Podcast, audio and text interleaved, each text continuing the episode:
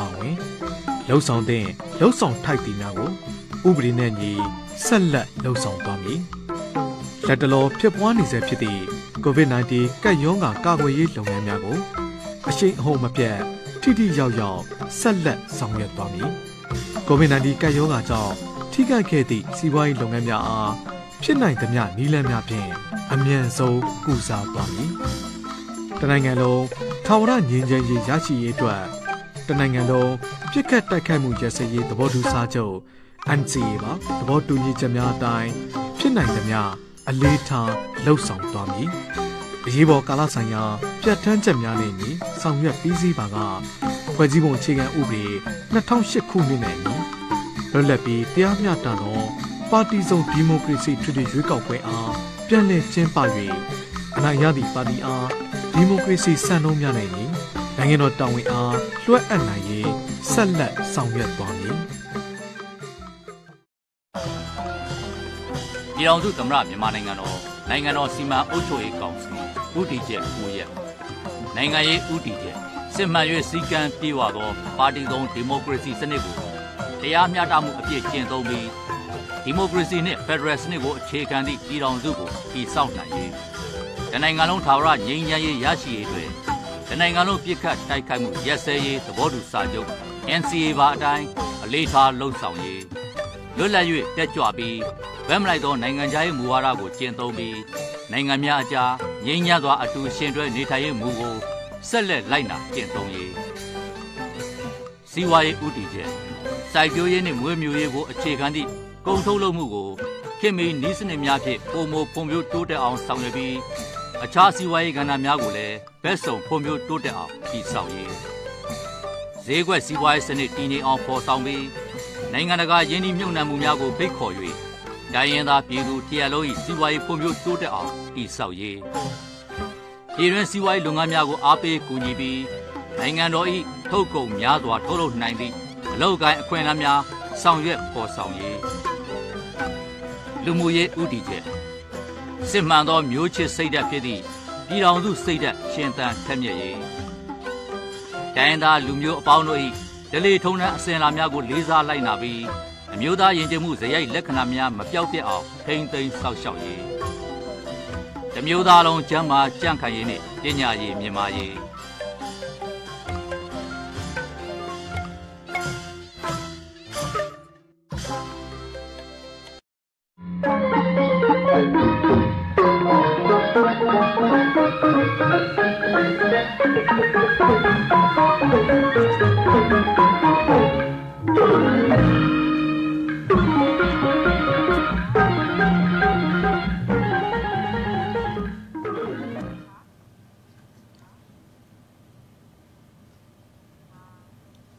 မ်းမာတော်မူကြပါစားရှင်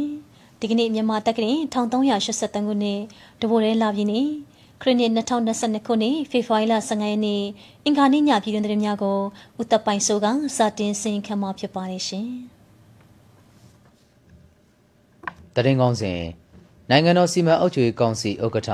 နိုင်ငံတော်ဝန်ကြီးချုပ်ဗိုလ်ချုပ်မှုကြီးမင်းအောင်လှိုင်ကျိုင်းတုံမျိုးကျက်သေးဆောင်မာမျက်မှုနေဖျားကြီးနှစ်တရာပြည့်အထိမ်းမဲ့ရတနာစင်မှုတော် ရွှေထီတော်တင်လူပူဇော်ဝဲနှင့်ဗုဒ္ဓဘိသေကအနေကစားတင်မဟာမင်္ဂလာအခမ်းအနားသို့တက်ရောက်ဖူးမြော်ကြီးညိုပြီးကျိုင်းတုံမျိုးပန်ခွဲကြည်ရွာနေရှိဗုဒ္ဓဥယေပရဝဏတော်အတွင်တတ္တတတ္တဟာမဟာဘောဓိဇေတော်မြတ်ကြီးတိဆောက်နေမှုခြေနေများအားတွားရောက်ကြည့်ရှုခြင်း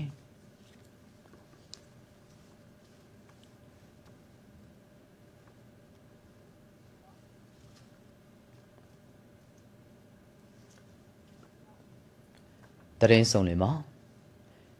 ရှမ်းပြည်နယ်အရှေ့ပိုင်းကျိုင်းတုံမြို့ကျက်သေးဆောင်မဟာမြတ်မှုနီဖျားကြီးနှစ်တရားပြည့်အထိမ့်မဲ့ရတနာစိန်မှုတော်ရွှေထီတော်တင်လူပူဇော်ပွဲနဲ့ဗုဒ္ဓဘိသေကအနေကစားတင်မဟာမင်္ဂလာအခမ်းအနားကိုသာသနာတော်နှစ်2565ခုနှစ်ကောဇာတက္ကရာ1383ခုနှစ်တဘူရဲလာပြည်နေ့ဒီနေ့မနက်ပိုင်းမှာကျင်းပရာကျိုင်းတုံမြို့ကြာရင်ကျောင်းတိုင်ဦးစီးဗဒနာနာယက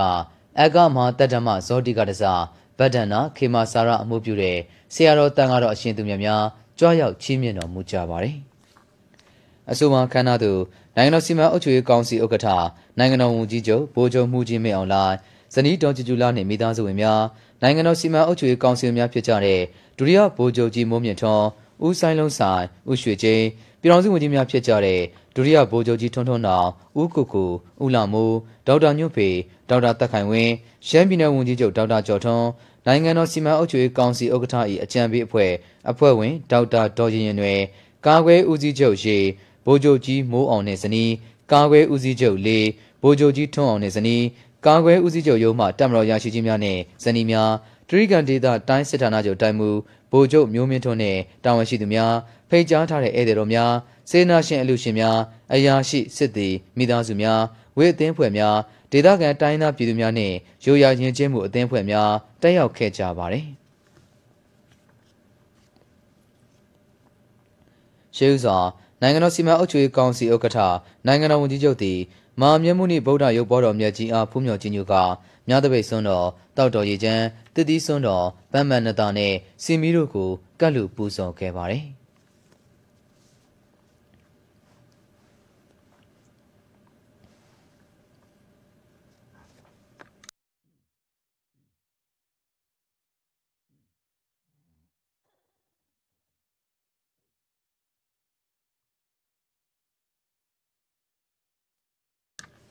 အဲဒီနောက်အစီအစဉ်အရနိုင်ငံတော်စီမံအုပ်ချုပ်ရေးကောင်စီဥက္ကဋ္ဌနိုင်ငံတော်ဝန်ကြီးချုပ်နှင့်အခမ်းအနားတက်ရောက်လာကြသူများကကြာရင်ကြောင်းတိုင်းဆရာတော်ကြီးထံမှကိုးပေါင်းတီလာခံယူစောင့်တည်ကြကဥပဒကများကပရိတ်ပန်းပရိတ်ရည်ပရိတ်ချီပရိတ်သေးများကိုတန်ဃာတော်များထံဆက်ကပ်ခဲ့ပါသည်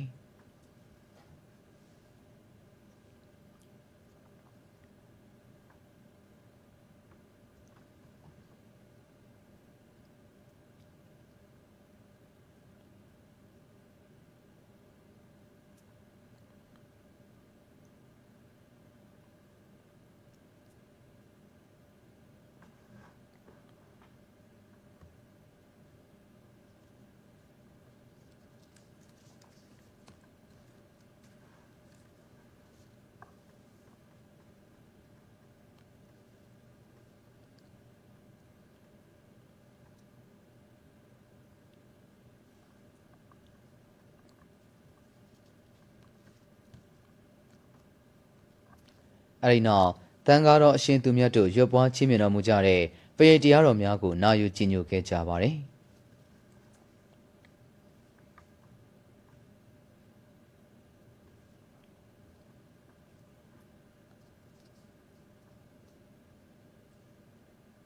အဲဒီနောက်ဥပဒကများကပရိတ်ပန်းပရိတ်ရည်ပရိတ်ချီပရိတ်သေးများကိုယူဆောင်ကမာမျက်မှုနိဖျားကြီးကန္နာကုဏီကျောင်းဆောင်တော်ပြည်ဝန်တော်မှာ ပတ်ဖြန်းကျဲဖြန့်ချီနှောင်ခဲ့ကြပါတယ်။အဲဒီနောက်နိုင်ငံတော်စီမံအုပ်ချုပ်ရေးကောင်စီဥက္ကဋ္ဌနိုင်ငံတော်ဝန်ကြီးချုပ်နှင့်ဇနီးတို့ကရတနာစိန်မှုတော်နှင့်လူဝဲပစ္စည်းများအားကြာရင်ကျောင်းတိုက်ဆရာတော်ကြီးထံသို့၎င်း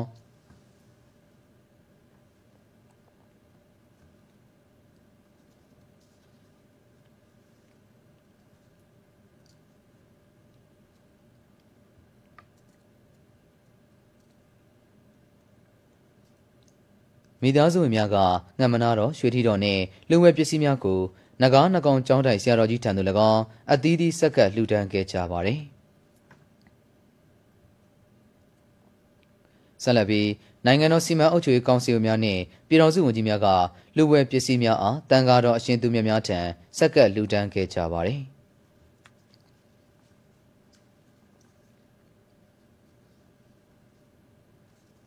အဲ့ဒီနောက်လဲကြားမြို့ ဟော်ကန်ကျောင်းတိုက်ဦးစီးပဒနာနာယက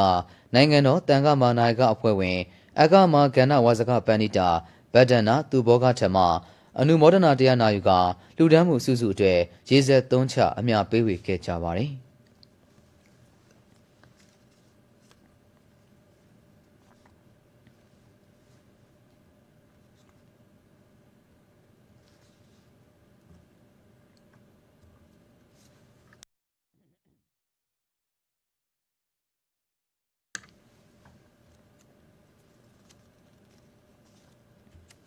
အဲဒီနောက်နိုင်ငံတော်စီမံအုပ်ချုပ်ရေးကောင်စီဥက္ကဋ္ဌ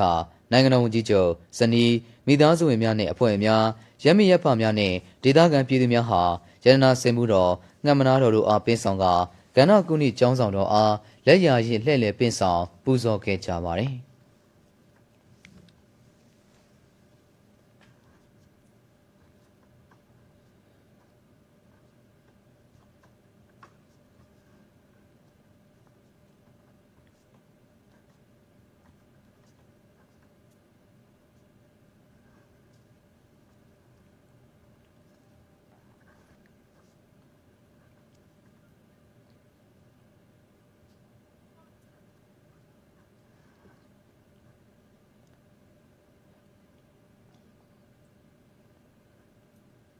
အဲဒီနောက်မင်္ဂလာအချိန်မှာရန်နာစိန်မှုတော်ငှမနာတော်တို့အားဒေသခံတိုင်းသားပြည်သူများနဲ့အတူစုပေါင်းမင်္ဂလာကျိုးဆွဲကမင်္ဂလာရက်ထက်ပြန်ဖြင့်ကန္နာကုဏီကျောင်းဆောင်တော်အထွတ်သို့ပင့်ဆောင်ကတင်လူပူဇော်ခဲ့ကြပါတယ်။အဲဒီနောက်ပေးနေသားရီများပတ်ဖြန်းကြကရန်နာစိန်မှုတော်ငှမနာတော်တင်လူပူဇော်အောင်မြင်ခြင်းအထိမ်းမဲ့ရတနာရွှေမိုးငွေမိုးများရွာသွန်းဖြိုးခဲ့ကြပါတယ်။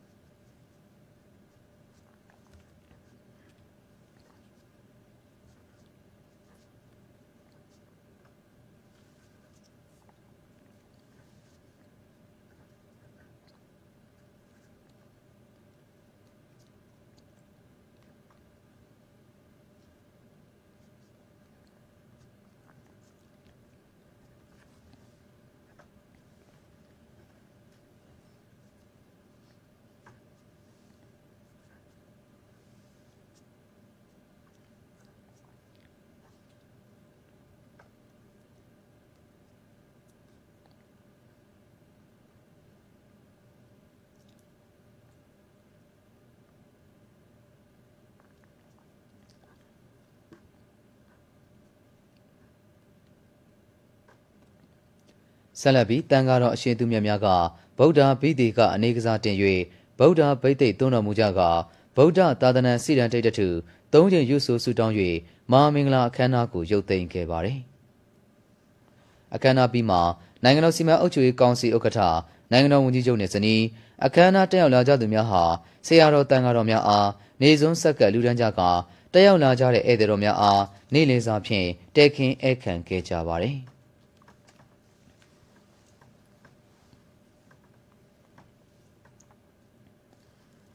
အဲဒီနောက်နိုင်ငံတော်စီမံအုပ်ချုပ်ရေးကောင်စီဥက္ကဋ္ဌနိုင်ငံတော်ဝန်ကြီးချုပ်နှင့်အဖွဲ့အများသည်ကျိုင်းတုံမြို့မာမျက်မှုနီဖျားကြီးနှစ်တရာပြည့်အထိမ်းအမှတ်ပြကန်းအတွင်းခင်းချင်းပြသထားတဲ့မာမျက်မှုနီဖျားကြီးတမိုင်းအချင်းကျိုင်းတုံဒေသသို့မြတ်ဗုဒ္ဓသာသနာရောက်ရှိလာပုံများဂုံရှမ်းဘာသာနှင့်စာပေပေါ်ထွန်းခဲ့မှုများခေတ်ဆက်ဆက်အုပ်ချုပ်ခဲ့ကြတဲ့စော်ဘွားကြီးများကျိုင်းတုံမြို့တမိုင်းအချင်းလှည့်လည်ကြည့်ရှုလေ့လာခဲ့ကြပါတယ်။အဆိုပါကျိုင်းတုံမြို့ကျက်သေးဆောင်မာမျက်မှုနီဖျားကြီးကိုကောဇာတက္ကရေ 1282ခုနှစ်ခရစ်နှစ်1921ခုနှစ်မှာကျိုင်းတုံနေရှင်စော်ဘွားကြီးစောကွန်းကျောင်းအင်ထရိုင်ကကျိုင်းတုံဒေသမှာဗုဒ္ဓသာသနာတော်တည်နှံ့စေရန်သာသနာတော်နေလိုလလိုထွန်းလင်းစေရန်ရွယ်ကမန္တလေးမြို့ဟောင်းဘူတာရောအနောက်ဘက်လေးအိမ်နဲ့ရက်နေဗဗုပညာရှင်ဆရာကြီးဦးသစ်ထမှာသုံးလောင်းပူဇော်ခဲ့ခြင်းဖြစ်ကြောင်းသုံးလောင်းပူဇော်ပြီးမှထိုစဉ်အခါကမန္တလေးမှာကျိုင်းတုံမြို့အထိမော်တော်ယာဉ်လမ်းပေါရောက်ခြင်းမရှိတာကြောင့်ရုပ်ပွားတော်ကိုအပိုင်းပိုင်းဖွဲ့ယူကလူအင်အား ကျွဲလှဲအင်အားများစွာဖြင့်ခီးလန်းပန်းအခက်ခဲပေါင်းများစွာကိုဖျက်ကျော်ကာစေတနာတရားတရားထက်သန်စွာဖြင့်ပင်းဆောင်ပူဇော်ခဲ့ကြခြင်းဖြစ်ကြောင်း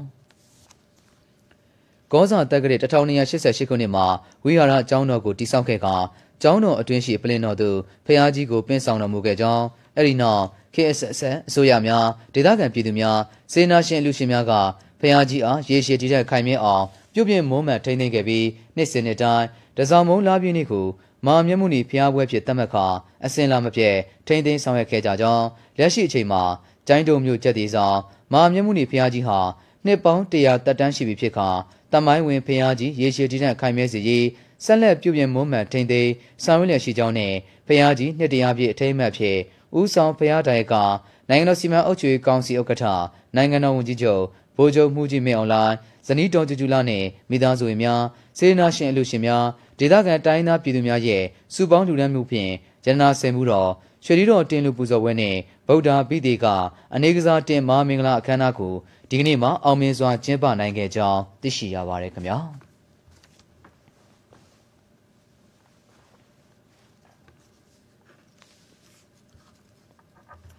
နိုင်ငံတော်စီမံအုပ်ချုပ်ရေးကောင်စီဥက္ကဋ္ဌနိုင်ငံတော်ဝန်ကြီးချုပ်ဗိုလ်ချုပ်မှုကြီးမင်းအောင်လှိုင်နဲ့အဖွဲ့အများသည်သီလဓမ္မကုန်းသာတောရကြောင်းတိုင် ဦးစီးဗဒနာနိုင်ကဝစီပိတ်ဆရာတော်ဗဒ္ဒနာကောဝိဒအမှုပြု၍ဒီနေ့မွေးလပိုင်းမှာကျိုင်းတို့မျိုးအရှိတောင်ဘက်15မိုင်ခန့်အကွာပန်ခွဲကြည်ရွာနေရှိဗုဒ္ဓဥယျင်ပရဝဏ်တော်အတွင်တက်တာတက်တာဟာမဟာဗောဓိစေတော်မြတ်ကြီးတိဆောက်နေမှုခြေနေများအားတွားရောက်ကြည့်ရှုခဲ့ကြပါတယ်။ရှေးဥစွာနိုင်ငံတော်စီမံအုပ်ချုပ်ရေးကောင်စီဥက္ကဋ္ဌနိုင်ငံတော်ဝန်ကြီးချုပ်နှင့်အဖွဲ့အများသည်ပရဝဏ်တော်အတွင်းသို့ရောက်ရှိကြပြီးအာဘယရာဇမှုနှင့်ရုပ်ပွားတော်မြတ်ကြီးအားဖူးမြော်ခြင်းညူကပန်းရေချမ်းကပ်လူပူဇော်က လက်ရရင်လက်လက်ပူဇော်ကြပြီးငင်းချမ်းတာယာဖွံ့ဖြိုးရေးခေါင်းလောင်းတော်ကိုထိုးခတ်ပူဇော်ခဲ့ပါတယ်။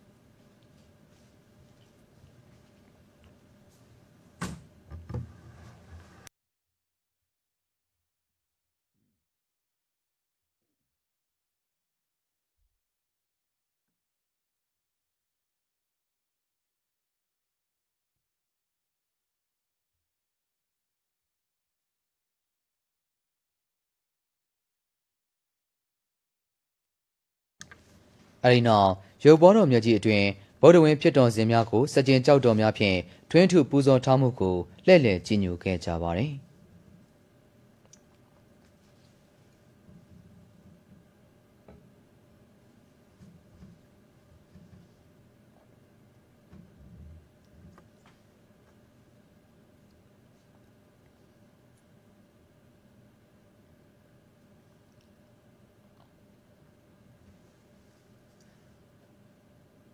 အဲဒီနောက်နိုင်ငံတော်စီမံအုပ်ချုပ်ရေးကောင်စီဥက္ကဋ္ဌ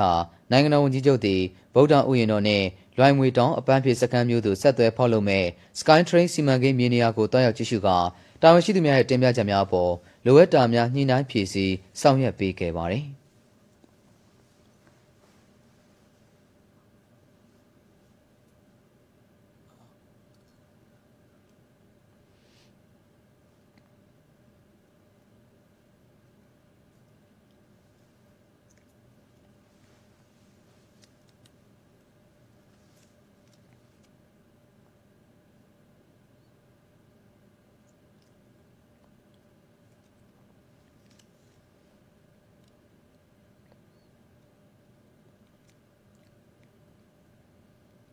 အဲဒီနောက်နိုင်ငံတော်စီမံအုပ်ချုပ်ရေးကောင်စီဥက္ကဋ္ဌ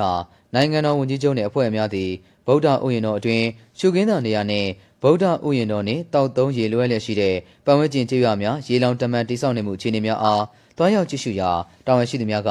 ရေလောင်တမန်ဆောင်ရွက်နေမှုအခြေအနေများနှင့်ကျိုင်းတုံမြို့နယ်ရေကြီးရေရှမ်းမှုကာကွယ်ရေးဗန္ဒာနှင့်အလိုက်ချောင်းများမှာတဲနှုံတူးဖော်ခြင်းနဲ့ချောင်းချဲထွင်ခြင်းလုပ်ငန်းများဆောင်ရွက်နေမှုအခြေအနေများကိုရှင်းလင်းတင်ပြခဲ့ကြပါသည်။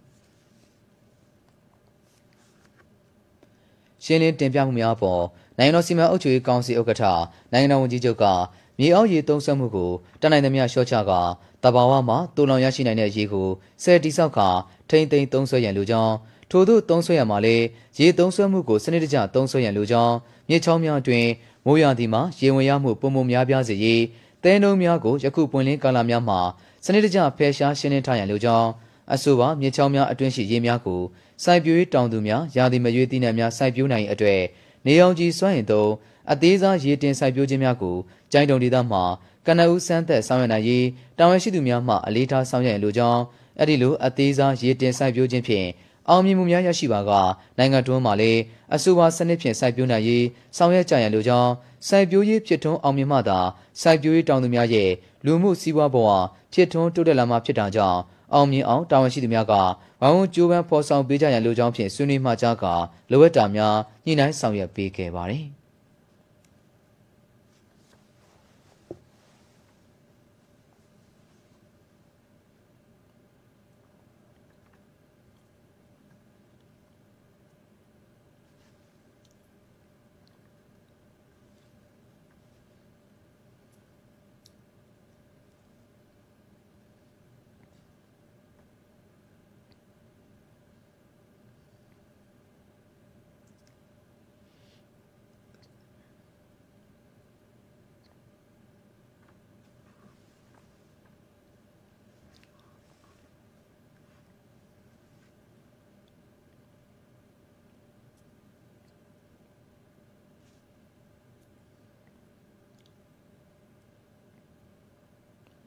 အဲဒီနောက်ဝစီဘိတ်ဆရာတော်ကြီးကိုယ်တိုင်ဥဆောင်ဗဒါနကမ္မကထပြု၍တိဆောက်ပူဇော်လျက်ရှိတဲ့တတ္တာတတ္တာဟာမဟာဘောဓိဈေးတော်မြတ်ကြီးတိဆောက်ပူဇော်ပြီးစီးမှုအခြေအနေများကမ္မဝိတုဒ္ဓိခန္ဓာတိန်တော်တိဆောက်ပြီးစီးမှုအခြေအနေများကိုလိုက်လံကြည့်ရှုကာလိုအပ်တာများမှားကြားခဲ့ပါတယ်။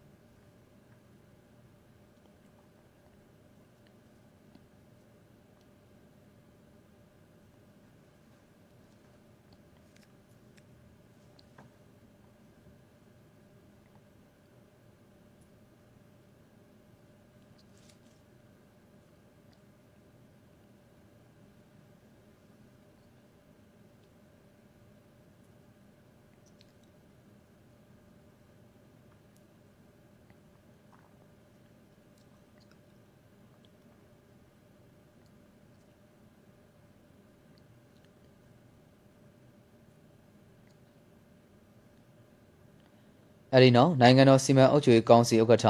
နိုင်ငံတော်ဝန်ကြီးချုပ်နှင့်အဖွဲ့များသည်ဗုဒ္ဓဥယျာဉ်တော်အတွင်းလှည့်လည်ကြည့်ရှုလေ့လာခဲ့ကြကြောင်းသိရှိရပါတယ်ခင်ဗျာ။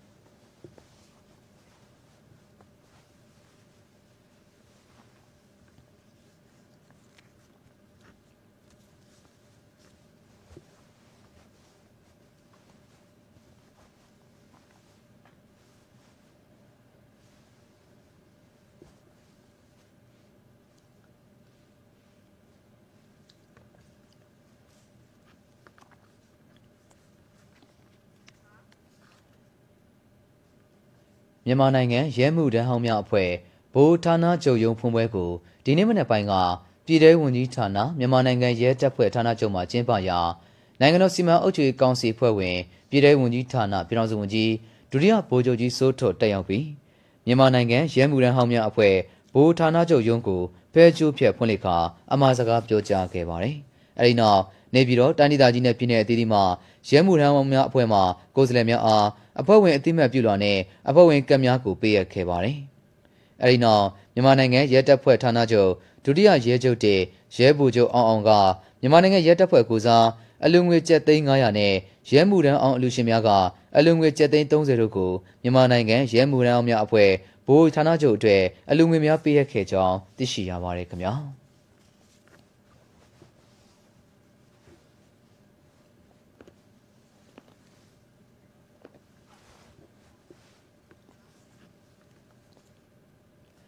ပြန်ကြားရေးဝန်ကြီးဌာနမြန်မာတန်တဲ့ရုပ်မြင်သံကြားရဲ့86နှစ်မြောက်နှစ်ပတ်လည်နေ့အခမ်းအနားကိုဒီကနေ့မိုးလယ်ပိုင်းက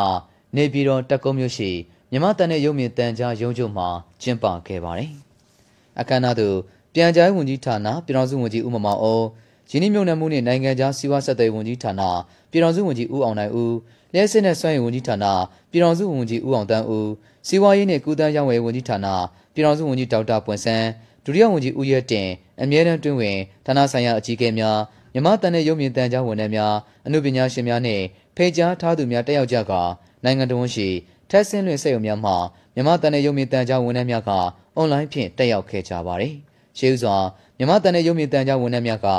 MRTV နှင့်ကောင်းသောနေ့တည်တည်ရှင်ဖြင့်တီဆူကပြဖျော်ဖြေကြကာမြမတန်တဲ့ရုပ်မြင်သံကြားရဲ့86နှစ်တမိုင်းမှတ်တမ်းမှတ်တမ်းဗီဒီယိုကိုပြသခဲ့ပါတယ်။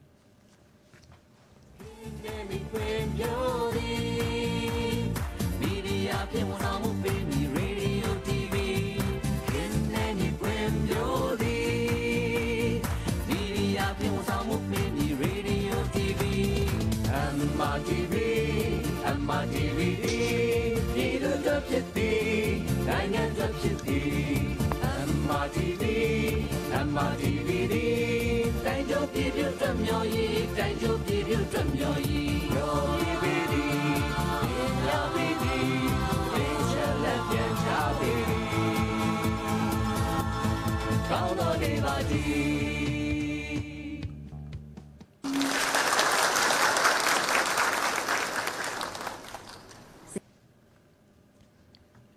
အဲဒီနောက်ပြန်ကြားရေးဝန်ကြီးဌာနပြည်ထောင်စုဝန်ကြီးဦးမမောင်အုံးကအမှားစကားပြောကြားရမှာ မြမတန်တဲ့ရုပ်မြင်တန်ကြောင်းဟာ1946ခုနှစ်ဖေဖော်ဝါရီလ15ရက်နေ့မှာရန်ကုန်ရေဒီယိုအမည်မှစတင်ခဲ့ပြီးယခုဆိုရင်86နှစ်ပြည့်မြောက်ခဲ့ပြီဖြစ်ပါကြောင်းဒီနေ့ချိန်ထိမြမတန်တဲ့ရုပ်မြင်တန်ကြောင်းထဲထဲဝါဝါရည်တည်နိုင်ခြင်းဟာတာဝန်ထမ်းဆောင်ခဲ့သူအလုံးရဲ့ကြိုးပမ်းမှုကြောင့်ဖြစ်ပါကြောင်းပြန်ကြားရေးဝန်ကြီးဌာနအနေဖြင့်ပြန်ကြားပေးရန်အသိပညာပေးရန်ဖျော်ဖြေပေးရန်ဆိုတဲ့အဓိကလုပ်ငန်းရများအပြင်နိုင်ငံတော်ကအလေးထားရတဲ့ ပြည်သူများအားကိုးရတဲ့ဝန်ကြီးဌာနဖြစ်အောင်စီမံဆောင်ရွက်လျက်ရှိပါကြောင်းခေတ်နဲ့ညီသောနုပြိုတက်လွင်သောအစီအစဉ်ကောင်းများတင်ဆက်နိုင်ရန်လည်းစီမံဆောင်ရွက်လျက်ရှိပါကြောင်းပြန်ကြားရေးဝန်ကြီးဌာနအနေဖြင့်ရုပ်ရှင်သပင်ဂီတစာပေနုပညာရှင်များနဲ့လည်းလက်တွဲဆောင်ရွက်လျက်ရှိပါကြောင်း MRTV News Channel အသစ်တစ်ခုကိုဖေဖော်ဝါရီလ၁ရက်နေ့မှာထပ်မံထုတ်လွှင့်နိုင်ခဲ့ပြီးနောက်ပိုင်းမှာလည်းအစီအစဉ်အသစ်များရုပ်သံလိုင်းအသစ်များထပ်မံထုတ်လွှင့်ကာပြည်သူများအတွက်အကောင်းဆုံးဖြစ်အောင်ဆောင်ရွက်သွားမှာဖြစ်ပါကြောင်း လာမယ့်ကာလမှာတိုင်းပြည်တည်ငြိမ်အေးချမ်းရေးနဲ့ဖွံ့ဖြိုးတိုးတက်စေဖို့အတွက်မီဒီယာစွမ်းအားဖြင့်အတက်နိုင်ဆုံးကြိုးစားဆောင်ရွက်သွားမှာဖြစ်ရာဝန်ထမ်းများအမှုပညာရှင်များကလည်းပူးပေါင်းဆောင်ရွက်ပေးစီလိုကြောင်းပြောကြားခဲ့ပါတယ်။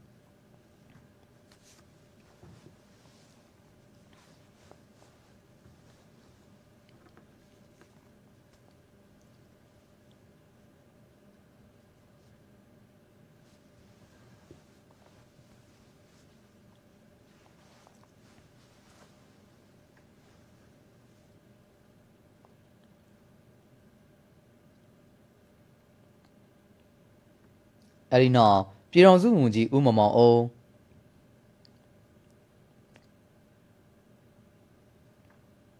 ဦးအောင်နိုင်ဦးနဲ့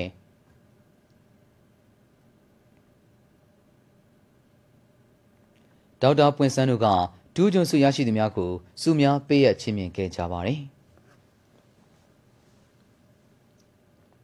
ဆက်လက်ပြီးဒုတိယဝန်ကြီးဦးရဲတင်အမြဲတမ်းတွင်ဝင်ဦးမျိုးမြင့်မောင် ဌာနဆိုင်ရာအကြီးအကဲများနဲ့တာဝန်ရှိသူများကဒူးကျွန်းစုရရှိသူများကိုစုများပေးအပ်ချင်းမြင့်ခဲ့ပါတယ်။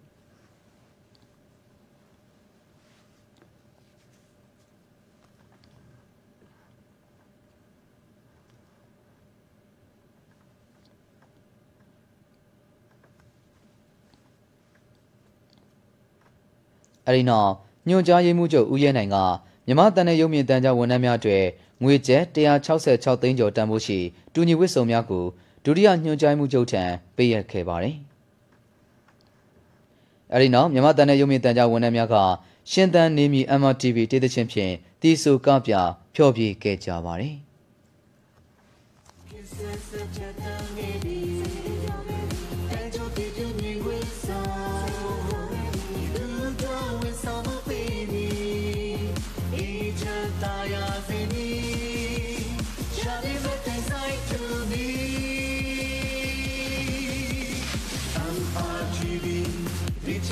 ဘီဘီ MRTV အတိပညာများဝေပေးပြီး MRTV ရောရေးပေးပြီး MRTV ရှစ်တန်ဒီရှာမီ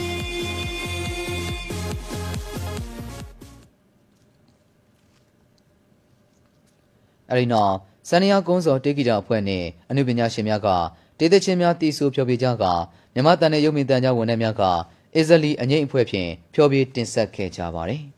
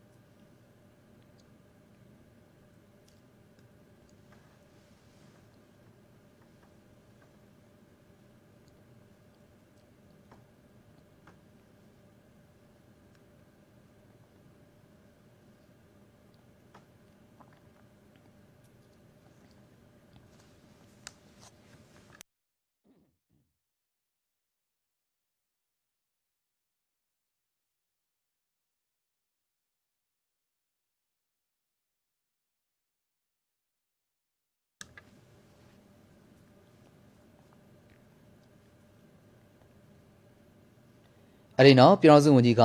နုပညာရှင်များနဲ့ဖျော်ဖြေအဖွဲ့များကိုဂုဏ်ပြုပန်းခြင်းပေးရပြီးအခမ်းအနားကိုရုပ်သိမ်းခဲ့ပါတယ်။မြန်မာတန်တဲ့ရုပ်မြင်တန်ကြားဟာမြန်မာနိုင်ငံရဲ့ပထမဦးဆုံးသောရေဒီယိုနဲ့ရုပ်သံလွှင့်လုပ်ငန်းတစ်ခုဖြစ်ကပြန်ကြားပေးရန်အသိပညာပေးရန်ဖျော်ဖြေပေးရန်ရည်မှန်းချက်များနဲ့အညီထုတ်လွှင့်တင်ဆက်လျက်ရှိပါတယ်။1946ခုနှစ်ဖေဖော်ဝါရီလ15ရက်နေ့မှာရန်ကုန်ရေဒီယိုရန်ကုန်ရေဒီယိုမှဗမာအတန် Burma Broadcasting Service BBS အမည်ဖြင့်စတဲ့အသုံးပြုခဲ့က 1980ပြည့်နှစ်နိုဝင်ဘာလ10ရက်နေ့မှာရောင်စုံရုပ်မြင်သံကြားဖြင့်စတင်ပုံမှန်ထုတ်လွှင့်ခဲ့ပါတယ်။ယခုအခါ MRTV HD, MRTV News, MRTV NRC, MRTV Farmers, MRTV Parliament, MRTV Sport ရုပ်သံလိုင်းများနဲ့ဆက်ဆက်ရုပ်သံလိုင်းဖြင့်အင်္ဂလိပ်ဘာသာဖြင့်ထုတ်လွှင့်တဲ့ MITV ရုပ်သံလိုင်းများထုတ်လွှင့်လျက်ရှိကမြန်မာတန်ရေဒီယို၊တပြေရေဒီယိုအင်္ဂလိပ်ဘာသာဖြင့်ထုတ်လွှင့်တဲ့မြန်မာရေဒီယိုတိုင်းသားဘာသာ18မျိုးပါဝင်တဲ့ တိုင်းသားဘာသာစီစဉ်များကိုထုတ်လွှင့်ပေးလျက်ရှိပါတယ်။မြန်မာနိုင်ငံအရရက်မှာအများပြည်သူများအယုတ်အတန်အရေးအသွေးကောင်းမွန်တဲ့အစီအစဉ်များကိုဖမ်းယူကြည့်ရှုနားဆင်နိုင်မှုအတွက်မြန်မာနိုင်ငံတော်ဝန်ရုပ်မြင်သံကြားထက်ဆင့်တွေစက်ရုံပေါင်း258ရုံဖွင့်လှစ်ထားရှိကမြန်မာအတန် FM ရေဒီယိုလွှင့်စက်များတိုးချဲ့တက်ဆင်ထားတဲ့စက်ရုံ85ရုံ Digital စနစ်ဖြင့်ထုတ်လွှင့်တဲ့ DVB T2 လွှင့်စက်တက်ဆင်ထားတဲ့စက်ရုံပေါင်း153ရုံဖြင့် ထုတ်လွှင့်လျက်ရှိပါတယ်ခင်ဗျာမြန်မာနိုင်ငံရဲ့ငါးလုပ်ငန်းကဏ္ဍဖွံ့ဖြိုးတိုးတက်ရေးအတွက်အစိုးရဌာနများနဲ့ပုဂ္ဂလိကလုပ်ငန်းရှင်များပူးပေါင်းဆောင်ရွက်ခြင်းဖြင့်လက်တွေ့မြေပြင်အတွေ့အကြုံများသူတေသနဆောင်ရွက်ချက်ဖြင့်ရရှိတဲ့ရလဒ်များကိုအခြေခံကာပုံမူထိရောက်တဲ့ကံယူတန်းတယံဇာတာများအားဗတ်စုံစီမံခန့်ခွဲခြင်းကိုပြေဝစွာအကောင့်ထဲပေါ်ဆောင်ရမှာအထောက်အကူပြုနိုင်မှာဖြစ်ကြောင်း ငါးလုပ်ငန်းသူတေသနလုပ်ငန်းများဖွံ့ဖြိုးတိုးတက်စေဖို့အတွက်တနင်္သာရီတိုင်းဒေသကြီးရဲ့ရေတွက်ပစ္စည်းပြည်ပပို့ကုန်တန်ဖိုးရဲ့3.5ရာခိုင်နှုန်းကိုသူတေသနရန်မုံငွေဖြစ်ထည့်ဝင်ကအစိုးရနဲ့ပုဂ္ဂလိကအကြားသူတေသနပူးပေါင်းဆောင်ရွက်မှုသဘောတူညီချက်လက်မှတ်ရေးထိုးခြင်းဟာမိမိတို့နိုင်ငံအတွက်ပထမဆုံးဖြစ်ခါအခြားစိုက်ပျိုးရေးနဲ့မွေးမြူရေးကဏ္ဍများမှာလည်းအလားတူပူးပေါင်းဆောင်မှုများဖြစ်ပေါ်လာစေရန်လမ်းခင်းပေးလိုက်ခြင်းဖြစ်ကြောင်းဖေဖော်ဝါရီလ14ရက်နေ့ညနေပိုင်းက နေပြည်တော်ဟိုတယ်ဆောင်ရှိ M Gallery Hotel မှာကျင်းပတဲ့ငါးလုပ်ငန်းဦးစီးဌာနနဲ့တရင်တိုင်းတိုင်းဒေသကြီးငါးလုပ်ငန်းအဖွဲ့ချုပ်တို့အကြားငါးလုပ်ငန်းဆိုင်ရာသူတေသနရန်ပုံငွေထူထောင်မှုသဘောတူစာချုပ်ချုပ်ဆိုတဲ့အခမ်းအနားမှာစိုက်ပျိုးရေးဝင်းမြွေနဲ့ဆယ်မြောင်းဝန်ကြီးဌာနပြည်ထောင်စုဝန်ကြီးဦးတန်ထူကပြောကြားခဲ့တာဖြစ်ပါတယ်။ငါးလုပ်ငန်းဦးစီးဌာနနဲ့တင်တိုင်းတိုင်းဒေသကြီးငါးလုပ်ငန်းအဖွဲ့ချုပ်တို့အကြားငါးလုပ်ငန်းဆိုင်ရာသူတေသနရန်ပုံငွေထူထောင်မှုသဘောတူစာချုပ်ချုပ်ဆိုတဲ့အခမ်းအနားမှာ ဦးတင်ထုံနဲ့တင်တိုင်းတိုင်းဒေသကြီးစီးပွားရေးဝန်ကြီးဦးမောင်ကြီးတို့ကအဖွင့်မှာစကားပြောကြားကြကတင်တိုင်းတိုင်းဒေသကြီးငါးလုပ်ငန်းအဖွဲ့ချုပ်ဥက္ကဋ္ဌကငါးလုပ်ငန်းဆိုင်ရာသူတေသနရန်ပုံငွေထူထောင်ရခြင်းနဲ့ပတ်သက်ပြီးရှင်းလင်းတင်ပြခဲ့ကြပါတယ်။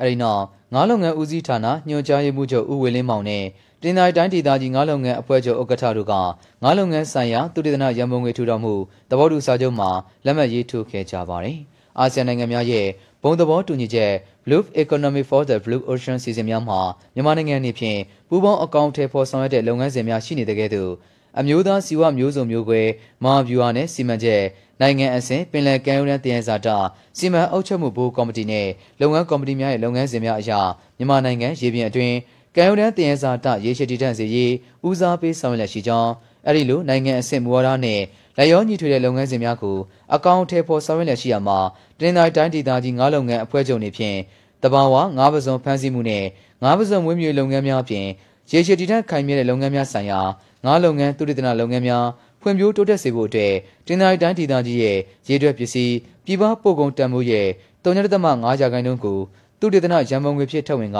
အစိုးရနဲ့ပုဂ္ဂလိကအကြားသုတေသနပူးပေါင်းဆောင်မှုအစီအစဉ်ကိုအကောင့်ထဲပေါ်ဆောင်ရွက်သွားမှာဖြစ်ကြောင်းလည်းသိရှိရပါတယ်ခင်ဗျာတမန်ဝါယမနဲ့ကျေးလက်ဖွံ့ဖြိုးရေးဝန်ကြီးဌာနပြည်ထောင်စုဝန်ကြီးဦးလာမိုးသည်ဒီနေ့ညနေပိုင်းမှာရှမ်းပြည်နယ်အရှေ့ပိုင်းကျိုင်းတုံမြို့ကျေးလက်ဒေသဖွံ့ဖြိုးတိုးတက်ရေးဦးစီးဌာနရုံးမှ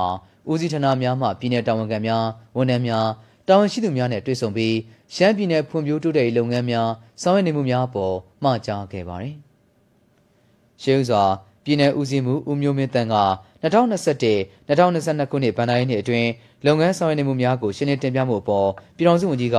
စိုက်ပျိုးရေးငွေမြေလုပ်ကိုင်တဲ့တောင်းသူများအတွက်လိုအပ်တဲ့ဤပညာဆိုင်ရာသင်တန်းများဖွင့်လှစ်ပေးနိုင်ရေးတမဝေမာစနစ်ဖြင့်ဆောင်ရွက်နိုင်ရေးလိုအပ်တဲ့လေယာသုံးစက်ကရိယာများထောက်ပံ့ပေးနိုင်ရေးကျေးလက်နေပြည်သူများအတွက်အတံမွေးဝမ်းကြောင်းအထောက်အကူပြုသင်တန်းများဖွင့်လှစ်ပို့ချပေးပြီး သင်တန်းအောင်မြင်ပြီးသူများမှတနိုင်တစ်ပိုင်းစီးပွားရေးလုပ်ငန်းများဆောင်ရွက်လိုပါကတမဝေမာအသင်းများဖွဲ့စည်းပေးကငွေကြေးအရင်းနှီးထူထောင်ပေးက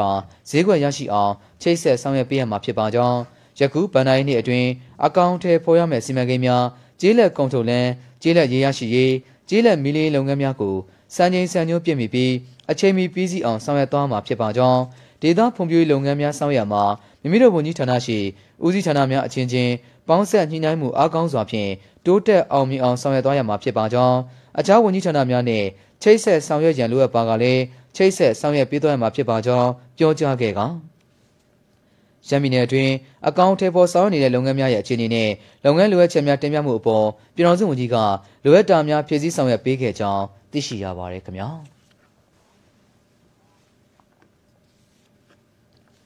စီဝိုင်းနဲ့ကုသရေးဝယ်ဝန်ကြီးဌာနရဲ့ တဘိုရဲလာမြမယူရထမနယ်ထိုးပြိုင်ပွဲအခမ်းအနားကိုဒီနေ့မနက်ပိုင်းက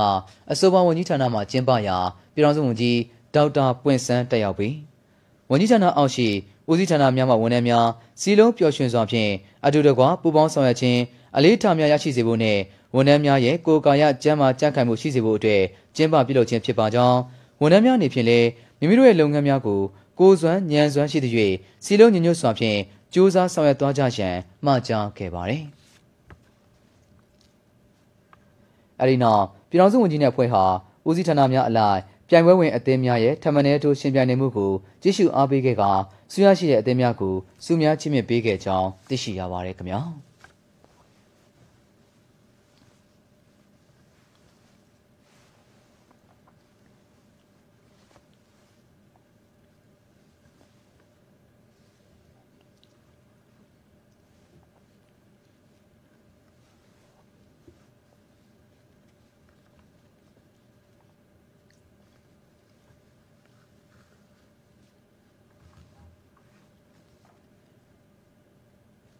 85နှစ်မြောက်စရင်တုပြည်တော်စုနှင့်အခမ်းအနားမှာကြာရကဏ္ဍမှာပါဝင်ကူညီဆောင်ရွက်ခဲ့တဲ့ဝန်ထမ်းများအားဂုံပြုချီးမြှင့်ခြင်းအခမ်းအနားကိုဒီနေ့မနက်ပိုင်းကနေပြည်တော်ဝနာသိတိအားကစားရုံပြီးမှကိုဗစ် -19 ရောဂါစီမင်းစည်းကမ်းများနဲ့အညီကျင်းပခဲ့ရာအားကစားနဲ့လူငယ်ရေးဝန်ကြီးဌာနပြည်တော်စုဝန်ကြီးဦးမင်းသိန်းစံက85နှစ်မြောက်စရင်တုပြည်တော်စုနှင့်အခမ်းအနားမှာကြာရကဏ္ဍအသီးသီးမှာစရောကိုပါပါဝင်ကူညီဆောင်ရွက်ခဲ့ကြတဲ့ဝန်ထမ်းများအားလုံးကိုအထူးပင်ဂုဏ်ပြုပါကြောင်း 2022ခုနှစ်85နှစ်မြောက်စင်တုပြည်တော်စုနှင့်အထိမ်းအမှတ်လူငယ်နှင့်စာပေပွဲတော်ပြည်တော်စုနှင့်ချီတက်စစ်ကြောင်းမှပါဝင်ခဲ့သူများနှင့်85နှစ်မြောက်စင်တုပြည်တော်စုနှင့်အခမ်းအနားသို့တက်ရောက်လာကြတဲ့ပြည်내နှင့်တိုင်းဒေသကြီးများမှယဉ်ကျေးမှုဖွဲ့များအားဧကန်ကျိုးစုကျင်းမွေရေးဆောင်ရွက်ခဲ့ကြသူများကိုလည်းဂုဏ်ယူအသိမှတ်ပြုပါကြောင်းဒါကြောင့်အဖက်ဖက်မှဝမ်ဝမ်ကူညီဆောင်ရွက်ပေးခဲ့တဲ့ဝန်ထမ်းများကိုဂုဏ်ပြုသောအဖြစ်စံစီကလဘဲစုစုပေါင်းကုန်ကြငွေကျပ်တန်ဖိုး50သိန်းကျော်ကို ဝန်ထမ်း918ဦးတို့ကိုအချိုးကျထောက်ပံ့ပေးရခဲ့ကြောင်းသိရှိရပါတယ်ခင်ဗျာ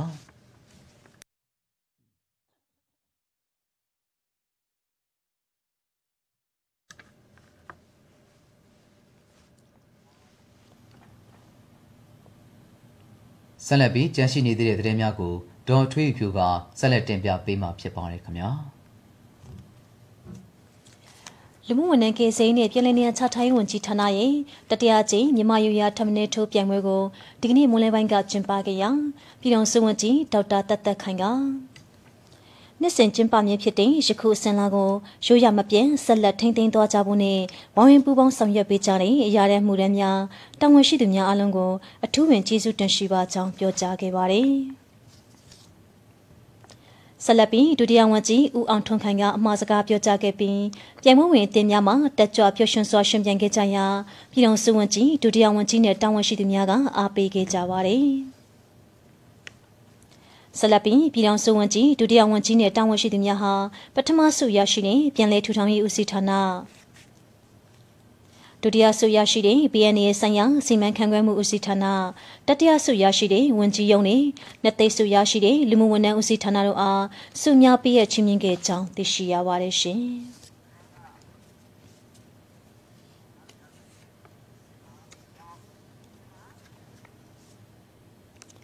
ဟိုတယ်နှင့်ခီးသွွားလာရေးဝန်ကြီးဌာနပြည်တော်စုဝန်ကြီးဒေါက်တာထေအောင်ဟာ ဒီကနေ့မနက်ပိုင်းကဝန်ကြီးဌာနကြောက်စင်ခမ်းမမှာဗီဒီယိုကွန်ဖရင့်စ်နဲ့ပြင်ကျင်းပတဲ့ Tourism and Statistics အလုပ်ရုံဆွေးနွေးပွဲသို့တက်ရောက်ပြီး ယခုအလုပ်ရုံဆွေးနွေးပွဲကိုခီးသွွားဆိုင်ရာစီရင်စရာကင်းကနက်ချက်လက်များကောက်ယူထိန်သိမ်းရေးအတွက်ဦးတည်ဆောင်ရွက်ခြင်းဖြစ်ပါကြောင်းဝန်ကြီးဌာနအနေနဲ့အာဆီယံမဟာမဲကောင်ဒေတာခွဲပင်စတက်လုံးဒေတာရင်းဖွဲ့စည်းများမှတာမကကမ္ဘာခီးသွွားလုပ်ငန်းဖွဲ့ချုပ် UNWTO Pacific အာရှခီးသွွားလုပ်ငန်းဖွဲ့နဲ့ကမ္ဘာခီးသွွားကောင်စီစတဲ့နိုင်ငံတကာအဖွဲ့အစည်းများမှာပါအဖွဲ့ဝင်ဖြစ်ခါ၎င်းတို့နဲ့ခီးသွွားကဏ္ဍဖွံ့ဖြိုးတိုးတက်ရေးဆိုင်ရာကိစ္စရပ်များတွင်ပူးပေါင်းဆောင်ရွက်လျက်ရှိပါကြောင်း ခီးသွွားလုပ်ငန်းဟာစင်ပေါ်အကျိုးသက်ရောက်မှုရှိရာဒေသတွင်းအရှိမြင့်များကိုထိရောက်စွာအသုံးပြုနိုင်ခြင်းဖြင့်လူရန်ဆောင်အလားတည်တည်တဲ့လူမှုစီးပွားဘဝဖွံ့ဖြိုးတိုးတက်ရေးမှာများစွာအထောက်အကူပြုလာမှာဖြစ်ပါကြောင်းတို့ဖြစ်ရာခီးသွွားလုပ်ငန်းဆိုင်ရာကင်ကနက်ချက်လက်များကိုစနစ်တကျကောက်ယူပြီးစီစစ်လေ့လာသုံးသပ်ခါစီမံခန့်ခွဲဆောင်ရွက်မှသာတာဝန်ယူမှုရှိပြီးရရှိတည်တဲ့ခီးသွွားလုပ်ငန်းအဖြစ်ဖွံ့ဖြိုးတိုးတက်လာမှာဖြစ်ပါကြောင်းပြောကြားပါရယ်။ အဒီနောက်မြန်မာနိုင်ငံခီးသွွားလုပ်ငန်းဖွဲ့ချုပ်ဥက္ကဋ္ဌဦးရန်ဝင်းကခီးသွွားလုပ်ငန်းမှာကင်ကနက်ချက်လက်ဖော်ဆောင်မှုရဲ့ရှေးပါမှုရှိမှန်းချက်ကိုအောင်မြင်အောင်ကောင်းထည့်ဖွင့်ရမှာအရေးကြီးမှုတို့ကိုရှင်းလင်းပြောကြားပါရယ်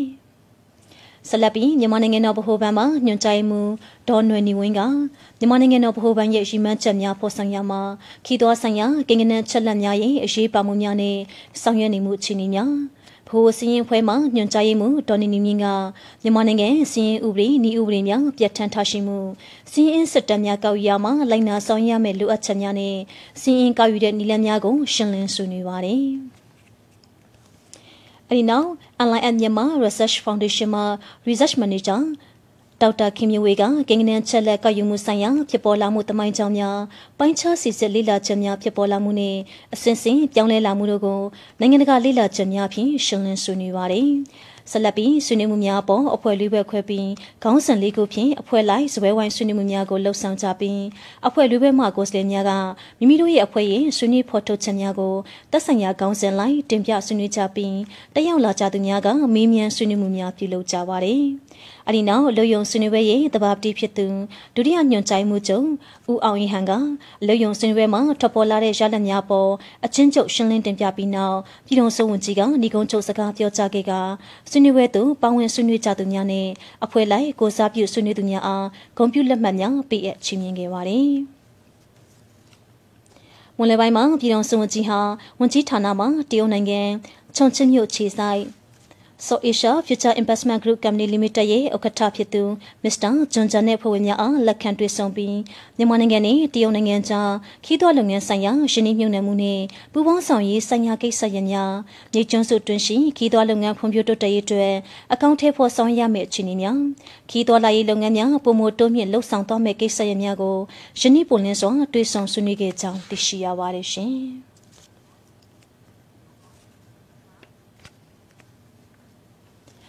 85နှစ်မြောက်စင်ရတုပြည်အောင်စုနေ့ခမ်းနားမှာပါဝင်ခဲ့ကြတဲ့အရာတန်းမှုရမ်းများအားဂုဏ်ပြုပွဲခမ်းနားကိုဖေဖော်ဝါရီလ15ရက်နေ့ဒီကနေ့မနက်ပိုင်းကတိုင်းသားလူမျိုးများရှိရာဝန်ကြီးဌာနစီဝေးခမ်းမမှာကိုဗစ် 19 တာစီကာကိုရေးကျန်းမာရေးဆိုင်ရာညွှန်ကြားချက်များနဲ့ညီကျင်းပါရာပြည်တော်စုဝန်ကြီးဦးစောထွန်းအောင်မြင့်ကအဖွင့်အမှားစကားပြောကြားရမှာ ကွန်ပျူတာသူများကိုကွန်ပျူခြင်းဟာဝန်ကြီးဌာနရဲ့စီလုံးညညွတ်မှုအားကောင်းစေပြီးအောင်မြင်မှုရရှိစေမှာဖြစ်ပါကြောင်း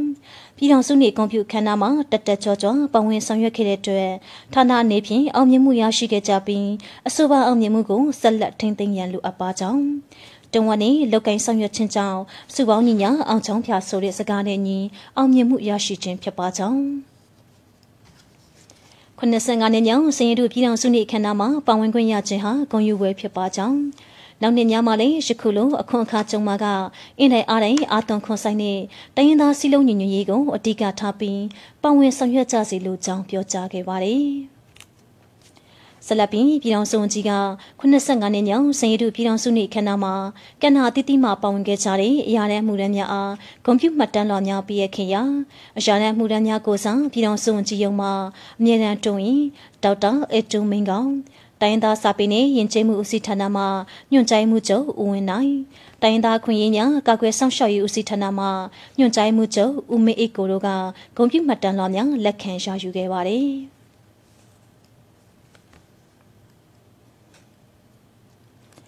အဒီနောက်85နှစ်မြောက်စင်ရီတို့ပြည်တော်စုနှစ်အခမ်းအနားမှာပါဝင်ခဲ့ကြတဲ့အရာတဲ့အမှုရန်များကိုစားညွှန်ကြားမှုဦးရဲမြင့်အောင်ကကျေးဇူးတင်စကားပြောကြားခဲ့ပါတယ်။အဒီနောက်85နှစ်မြောက်စင်ရီတို့ပြည်တော်စုနှစ်အခမ်းအနားစီရေးပြကွန်ပျူတာချစ်တပ်ပွဲမှာပါဝင်ခဲ့ကြတဲ့အမျိုးသားအရာတန်းတူနဲ့အမျိုးသမီးအရာတန်းတူတို့ကလေ့ကျင့်ရေးကာလတလျှောက်တွေ့ကြုံများကိုမျှဝေတင်ပြခဲ့ကြပြီးပြည်တော်စုဝန်ကြီးကညီကုန်းချုပ်စကားပြောကြားခဲ့ကြောင်းသိရှိရပါတယ်ရှင်။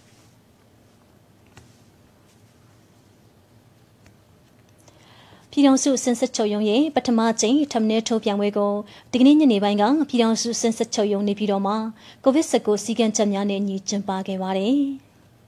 အဆိုပါထမင်းထုတ်ပြန်ပွဲသို့ပြည်ထောင်စုစင်စစ်ချုပ်ဒေါက်တာကန်စောနယ်စနီအမြဲတမ်းတွင်ဝင်ဒေါ်နိုင်တက်ဦးညွှန်ကြားမှုချုပ်ဒေါ်ခိုင်ခိုင်အောင်ပြန်ပွဲဝင်တင်များနဲ့တောင်းဝရှိသူများတက်ရောက်ကြပြီးထမင်းထုတ်ရှင်ပြိုင်နေမှုကိုကြည့်ရှုအားပေးကြပါတယ်။ ပြိုင်ပွဲမှာပြိုင်ပွဲဝင်အသင်းများကအသင်းလိုက်စီလုံးညီညွတ်စွာအာချုံမန်တက်ရှင်ပြိုင်ခဲ့ကြရာအမှတ်ပေးတိုင်လူချင်းများကအမှတ်ပေးစီမင်းစည်းကမ်းများနဲ့အညီစစ်စစ်အကဲဖြတ်အမှတ်ပေးခဲ့ကြပြီးပြိုင်ပွဲဝင်အသင်းများအားတက်ရောက်လာကြသူများကတောင်းတောင်းဖျားဖျားအားပေးခဲ့ကြပါတယ်။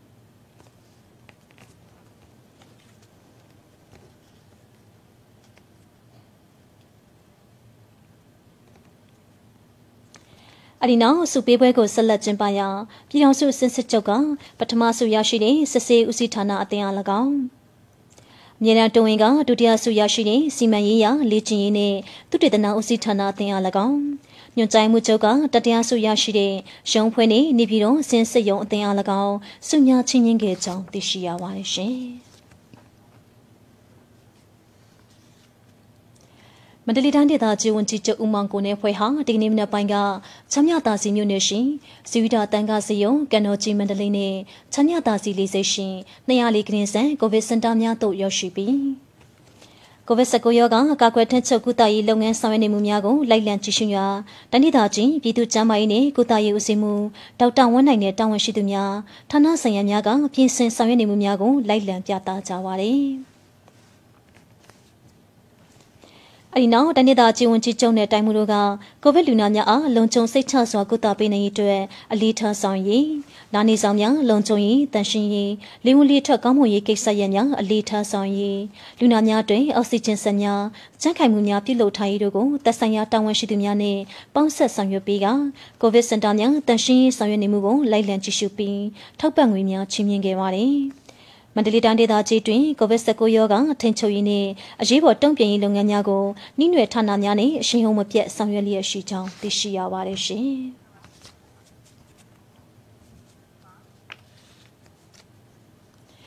95နှစ်မြောက်စင်ရတုပြည်တော်စုနေကွန်ပျူခန္ဓာမှာပါဝင်ပြသခဲ့ကြတဲ့ပြည်တော်စုနေနေနဲ့တနိဒာကြီးပြည်နယ်တည်တည်မှာကွန်ပျူရှင်များအား နေပြည်တော်ဩဘာဒတနိစေတော်ရှိတပေါင်းခွေမှာခင်ချင်းပြသလျက်ရှိရာဒီကနေ့တတရားနေ့မှာပြည်သူများစိတ်ပါဝင်စားစွာတခဲနဲ့လာရောက်လေ့လာကြည့်ရှုခဲ့ကြပါတယ်။တပေါင်းခွင်တွင်တမတ်နေရာများလိုက်နေရာယူထားကြတဲ့တိုင်းသားရိုးရာရင်ကျင်းမှုအဖွဲ့များအနေနဲ့လည်းလာရောက်လေ့လာကြတဲ့ပြည်သူများသိရှိလိုတဲ့တနေ့သားချင်းရဲ့ပြည်နယ်လိုက်ရိုးရာရင်ကျင်းမှုဆိုင်ရာဗဟုသုတများဒီတနနာဗဟုသုတများကိုအဖွဲ့လိုက်မျှဝေပေးကြပါတယ်။ အဆိုပါကွန်ပျူတာများမှာပြည်သူများတိုင်းသားရိုးရာရင်ကျေးမှုဒလေထုံးတမ်းများကိုချစ်ခင်တံပိုးထားတတ်စေဖို့ရည်ရွယ်ပြီးမြန်မာနိုင်ငံအတွင်းရှိတိုင်းသားများရဲ့ထိမ့်မဲ့များလူနေမှုစီရင်များဒလေထုံးတမ်းစင်လာများနဲ့ဒေတာထုတ်ကုန်များကိုတရုတ်ဖော်ပြသပေးထားရာတန်ဃာတော်များသီလရှင်များကျောင်းသားလူငယ်များဝန်ကြီးဌာနများမှဝန်ထမ်းများနဲ့မိသားစုများဒေသခံပြည်သူများစိတ်အားထက်သန်စွာလေ့လာကြည့်ရှုကြပါရစေ။ ဒါအပြင်လှပတင့်တဲ့ခန္ဓာစွာခင်ကျင်းပြသထားတဲ့ဂုံပြူရင်ကြီးများရိုးသားဖြူစင်ဖို့ယူလာတဲ့တိုင်းသားရိုးရရင်ကျင်းမှုအဖွဲ့များနဲ့တူအမတ်တရတပ်ပုံရိုက်ကြသူများဖြင့်လေစီကားလျက်ရှိပါတယ်။တိုင်းသားရိုးရမတ်တရလက်ဆောင်ပစ္စည်းဆိုင်များအနေနဲ့လည်းတနိဒာချင်းရဲ့ပြည်နယ်များမှာဒေတာထွက်ကုန်ပစ္စည်းများနဲ့ရိုးရဝတ်စုံများကိုစည်နှုံချိုသားစွာရောင်းချပေးလျက်ရှိရာပြည်သူများစိတ်ဝင်စားဝယ်ယူကြလျက်ရှိပါတယ်။ တိုင်းဒေသကြီးနယ်ပြည်နယ်တည်တည်မှာတိုင်းရင်းသားယဉ်ကျေးမှုအဖွဲ့များက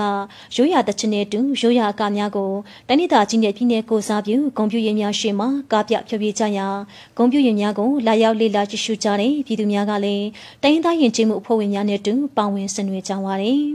ကွန်ပျူတာများကိုလာရောက်ကြည့်ရှုကြတဲ့အများပြည်သူများအန္တရာယ်တစုံတရာမဖြစ်ပေါ်စေဖို့တမတော်သားများနဲ့ပူးပေါင်းပြီးမြန်မာနိုင်ငံရစ်တပ်ဖွဲ့ကလည်းလုံခြုံရေးအပြည့်အဝပေးထားတဲ့ပြင်ကျန်းမာရေးချွတ်ယွမှုတစုံတရာဖြစ်ပေါ်လာကကျန်းမာရေးစောင့်ရှောက်မှုပေးနိုင်ရန်အတွက်နေပြည်တော်ကျန်းမာရေးဦးစီးဌာနကျန်းမာရေးစေဖွဲ့မှစေကံဖွင့်လှစ်ထားလျက်ရှိပါတယ်။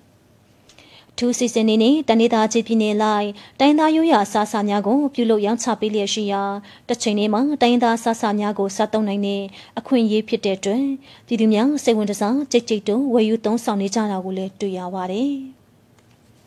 ညနေပိုင်းမှာပြည်တော်စုအစိုးရအဖွဲ့ရုံးဝန်ကြီးဌာနနှင့်ပြည်တော်စုဝန်ကြီးဦးချင်နိုင်ကစင်ရတုပြည်တော်စုနှင့်ခန္ဓာမှာပထမဆုရရှိခဲ့တဲ့မကွေးတိုင်းဒေသကြီးကွန်ပျူရင်ရှင်မှာမကွေးတိုင်းဒေသကြီးယဉ်ကျေးမှုအဖွဲ့ရဲ့ကပြဖြိုပြမှုကိုကြည့်ရှုအားပေးပြီးယဉ်ကျေးမှုအဖွဲ့ဝင်တရားရှိဦးကိုလက်ဆောင်ပစ္စည်းများပေးအပ်ချီးမြှင့်ပါတယ်။ ပြည်တော်စုနေမြေနဲ့တန်ဒေတာချေပြည်နယ်တည်တည်မှာကွန်ပျူရင်46စီတို့ကိုခင်းကျင်းပြသခြင်းနဲ့တိုင်းသားရိုးရာအစားအစာဆိုင်ကန်ပေါင်း20မှာတိုင်းသားရိုးရာအစားအစာများကိုရောင်းချပေးခြင်းတို့ကိုဖေဖော်ဝါရီလ23ရက်နေ့မှစတင်ပြီး15ရက်နေ့ထိမနက်၈နာရီမှည၈နာရီတွင်3ရက်တိုင်တိုင်မိဘပြည်သူများစိတ်ဝင်စားလာရောက်လေ့လာကြည့်ရှုအားပေးခဲ့ကြပါတယ်။လာရောက်လေ့လာကြည့်ရှုသူများရဲ့စကားသံကိုလည်းအခုလိုကြားသိရမှာဖြစ်ပါတယ်ရှင်။ ကျွန်တော်တို့ပထမကားမှာဆိုလို့ရှိရင်ပေါ့ရခိုင်ပြည်နယ်မြေပုံကိုဦးစားပေးပြီးတော့ရခိုင်ပြည်နယ်အလံတော်တို့ကိုဦးစားပေးပြီးတော့တင်မြင့်ထားပါတယ်နောက်ပြီးတော့ရှေးဟောင်းမြို့တော်ဖြစ်တဲ့မြောက်ဦးမှာရှိတဲ့ကျွန်တော်တို့ထောက်ကန်တိုင်ဘုရားကြီးကိုဆင်ရင်ပြီးတော့ရခိုင်တွေရဲ့လက်မှတ်အဖြစ်နဲ့ကျွန်တော်တို့ပြသထားပါတယ်ခင်ဗျာဒုတိယကားမှာဆိုရင်တော့ကျွန်တော်တို့ရခိုင်မှာရှိတဲ့တဘာဝတရားစာရနဲ့ထွက်ကုန်တွေကိုဦးစားပေးပြီးပြပါတယ်ကျွန်တော်ရှေ့မှာဆိုရင်တော့ကျွန်တော်တို့ရခိုင်လုံကြီးရခိုင်တွေရဲ့ တံပိုးထားတဲ့ရခိုင်လုံကြီးကိုရက်လောက်တဲ့ရက်ကန်းစင်ကိုရှာပြီးတော့တကယ်တကယ်လဲရက်ရက်လောက်ခဲ့ပါတယ်ခင်ဗျရခိုင်ပြည်နယ်မှာရှိတဲ့တဘာဝတန်းငွေရဲ့ထုတ်လုပ်တဲ့မိုပေါ့ခင်ဗျအဲ့ဟာကိုကျွန်တော်တို့ခင်းချင်းပြသထားပါတယ်နောက်နောက်ဆုံးမှာကြတော့ကျွန်တော်တို့ဒီငပလီကန်းချင်မှာရှိတဲ့ရေသူမရုပ်ထုကိုကျွန်တော်တို့တိုရစ်စင်တော့ကန်းချင်ရဲ့အလှတွေကိုဆင်ရင်ကျင်းပထားပါတယ်ခင်ဗျတတိယကန်းမှာတော့ရခိုင်တို့ရဲ့အဓိကလက်လာဘအဖြစ်နဲ့ ဗျာလနဝယူပဗျာလကိုကျွန်တော်တို့ခင်းချင်းပြသထားပါတယ်နောက်ဒုတိယကတော့ကျွန်တော်တို့ရဲ့ဒညောက်ဒီခစ်ကစီမီခွက်နဲ့ပူဇော်တဲ့ဟာကိုခင်းချင်းပြသထားပါတယ်နောက်ဆုံးမှာဆိုတော့ကျွန်တော်တို့ရဲ့ရခိုင်တွေရဲ့ကျမ်းမာတန်ဆမှုကိုအများအားပြသနေတဲ့ကျင်ကိန်တဲ့အာဝဇာနီးကိုခင်းချင်းပြသထားပါတယ်ခင်ဗျာကျွန်တော်တို့ရဲ့ရခိုင်ပြည်နယ်မှာရှိတဲ့လက်မှတ်တွေရဲ့ကျွန်တော်တို့စီးပွားရေးရဲ့ကျွန်တော်တို့ရဲ့တမိုင်းအမွေနှစ်တွေကိုပြခွင့်ရတဲ့အတွက် ကျွန်တော်တို့အလွန်တရာမှဂုံယူဝမ်းမြောက်ရပါတယ်ဆိုတာကိုပြောကြားလိုပါတယ်ခင်ဗျာဒီလိုလဲလဲရတဲ့အတွက်ကြောင့်တော့မြန်မာတနိုင်ငံလုံးမသွားမနဲ့ရောက်လိုက်တယ်လို့ပဲအဲဒါကြောင့်အရင်လည်းဝမ်းသာပြီးပါတယ်ဒါကြောင့်ကလေးတွေဒီနေရာရောက်အောင်ဆိုပြီးတော့ကျွန်တော်လာပို့တာဒီနေရာဒါလာခြင်းလို့အမနာစောကြီးရလာခဲ့တာဒီမှာကျတော့ကျွန်တော်စားတော့စားအကုန်လုံးကျွန်တော်မြန်မာတနိုင်ငံလုံးမပူအောင်အကုန်လုံးရောင်းပေးချပြီးတော့အကုန်လုံးအားလည်းတွေ့ရတယ်ကျင်းနှူးဝမ်းသာပြီးပါတယ်ဒါမျိုးတွေနိုင်ငံတကာတနိုင်ငံလုံး အကုန်လုံးတိုင်းသားစီလုံးညီညွတ်မှုဖြစ်ပြီးတော့အကောင်လုံးညီကောင်မောင်တွေလိုပဲချစ်ချစ်ခင်ခင်ဖြစ်တာနှစ်တိုင်းလှုပ်တင်ပါလေပို့ပြီးတော့ကျွန်တော်လည်းတစ်ဖက်တစ်လားကြည့်ဖို့သွားဖို့လာဖို့အားပေးပါတယ်တိုင်းတိုင်းလုံးပီတိဖြစ်မိတယ်ဘာလို့ဆိုဒီလိုမို့တိုးရဲဆုံးဖို့ဆိုမလွယ်ဘူးလေအရန်ပျော်ဖို့ကောင်းတယ်ပီတိလည်းဖြစ်တယ်လေဟုတ်ဟိုနောက်လာနောက်နာတွေရောမိသားစုတွေရောမြင်စေချင်တဲ့စိတ်နဲ့လာတာ ဘဟုတုတလည်းရအောင်လို့လေဒီလိုမျိုးတဆုတစီတဲ့မြင်ရတော့ခါကျဟိုအပြစ်မှာတော့ရတယ်လို့ပဲခံစားချက်ကလေဟိုကောင်းပါတယ်ကိုအဲ့မျိုးနေတာတွေမရရင်မစားရအောင်ဒီမှာကျတော့လေကိုစားချင်တာလေဟိုကိုကြိုက်နေတဲ့တာစားလို့ရတယ်လေကြိုက်ပါတယ်အဲ့အ စဉ်ကိုလည်းစားဖြစ်ပါတယ်။အာရှမ်းစားစာစားဖြစ်တယ်နောက်ပမာစားဖြစ်တယ်။တိုင်းရင်းသားတွေအားလုံးပါတယ်ပွဲလေ။နာဟိုတနိုင်ငံလုံးကလည်းဟိုပြည်သူလူထုရောတိုင်းရင်းသားတွေရောဥစားမိသားစုတွေပေါ့လေ။အစစ်စစ်လောင်းလောင်းလည်းရှိစေချင်တယ်။အဲနောက်လာနောက်သားတွေကိုလည်းမြင်စေချင်တယ်လောက်လဲလောက်စေချင်တယ်ဒီလိုပွဲမျိုး။ကျွန်တော်တဲခု68ပေါ့လေ။68တိအတွင်းမှာဒီလိုပွဲမျိုးကဒီတစ်ခါပဲကြုံရပါတယ်။နော်ပြည်내တိုင်းအားလုံးကိုရောက်သွားပြီးတဲ့ကဲ့သို့ အဲစိတ်လှုပ်ရှားပွဲပေါ့နော်အဲဘုဒ္ဓရာဖြစ်ပွဲခံစားရပါတယ်လူငယ်တွေအနေနဲ့ကတော့ဒီမြမပြည်ရဲ့နော်ဒီရှေးဟောင်းယဉ်ကျေးမှုအမွေနှစ်တွေပေါ့နော်နောက်ဒီတိုင်းပြည်ရဲ့ကွန်ပျူတာတဲ့စီးပွားရေးလုပ်ငန်းတွေပြန်စာတာတွေပေါ့အဲဒါတွေကိုသိမြင်ပြီးတော့အဲကိုယ့်ရဲ့ဘိုးဘွားတွေ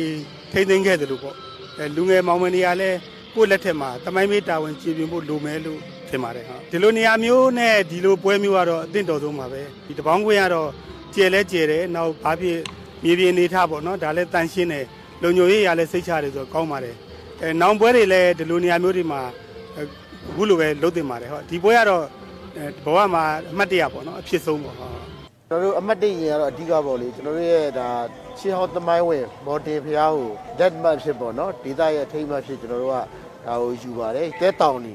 ကမ်းခြေတွေခီးသောလုပ်ငန်းတွေဖွံ့ဖြိုးနေတဲ့ငွေဆောင်ချောင်းသာ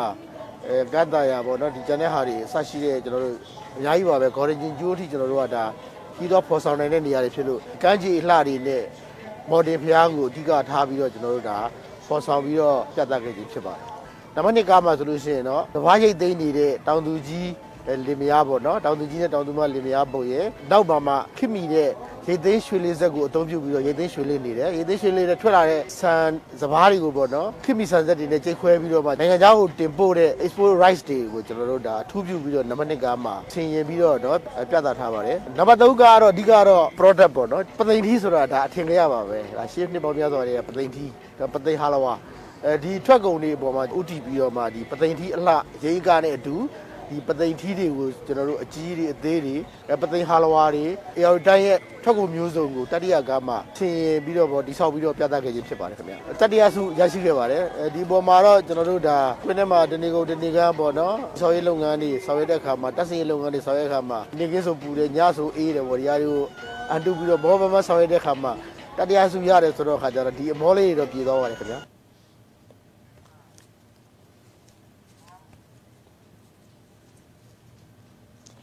နေပြည်တော်မှာကျင်းပတဲ့85နှစ်မြောက်စင်ရတုပြည်တော်စုနေဂုံပြူခန္ဓာမှာပဝင်ဆင်နွှဲခဲ့ကြတဲ့ဂူတိုင်းဒေသကြီးရိုးရရင်ကျိမှုဖွဲ့ဟာ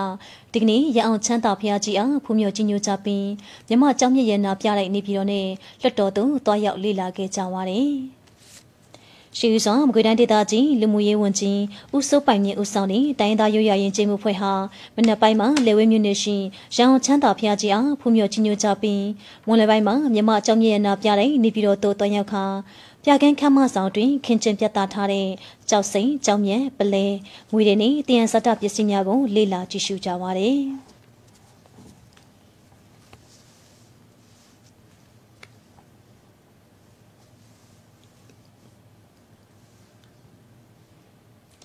အဲ့ဒီနောက်လွတ်တော်ဆောင်ကိုဆက်လက်လေးလာကြရာပြည်တော်စုလွတ်တော်အဲကျိုဆိုရေးဆောင်မှာပြသထားတဲ့မြမရွရရင်ချင်းမှုအထိမ်းမဲ့ဖြစ်တဲ့ရွန်းတဲ့ဆွန်အုပ်ကြီးနဲ့တေအမျိုးစား62မျိုးတို့ကိုကြည့်ရှုလေးလာကြပြီးမှတ်တမ်းတပ်ပုံရိုက်ခဲ့ကြပါတယ်။အဲ့ဒီနောက်ပြည်တော်စုလွတ်တော်အမျိုးသားလွတ်တော်ပြည်သူ့လွတ်တော်စီဝေးခမများတို့လေးလာကြရာတာဝန်ရှိသူများကလွတ်တော်တည်တည်ရဲ့လုပ်ငန်းဆောင်ရွက်ပုံနဲ့လွတ်တော်ရည်ရများကိုရှင်းလင်းပြောကြားခဲ့ကြောင်းသိရှိရပါတယ်ရှင်။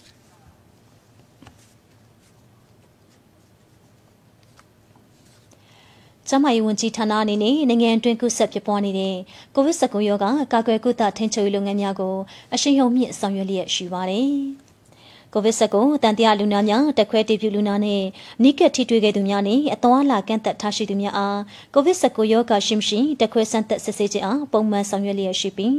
ဖေဖော်ဝါရီလ14ရက်နေ့ည8:00နာရီမှဒီကနေ့ည8:00နာရီတွင်တခွဲနမူနာစုစုပေါင်း3980အားစစ်ဆေးပြီးစီးခင်ရာကိုဗစ် -19 ရောဂါတက်ခွဲတည်ပြုလူနာသင်2468ဦးတွေ့ရှိရပါတယ်။ဒါကြောင့်ဒီကနေ့တွင်ယောဂပိုးတွေ့ရှိမှုရာခိုင်နှုန်းမှာ8.32ရာခိုင်နှုန်းရှိပါတယ်။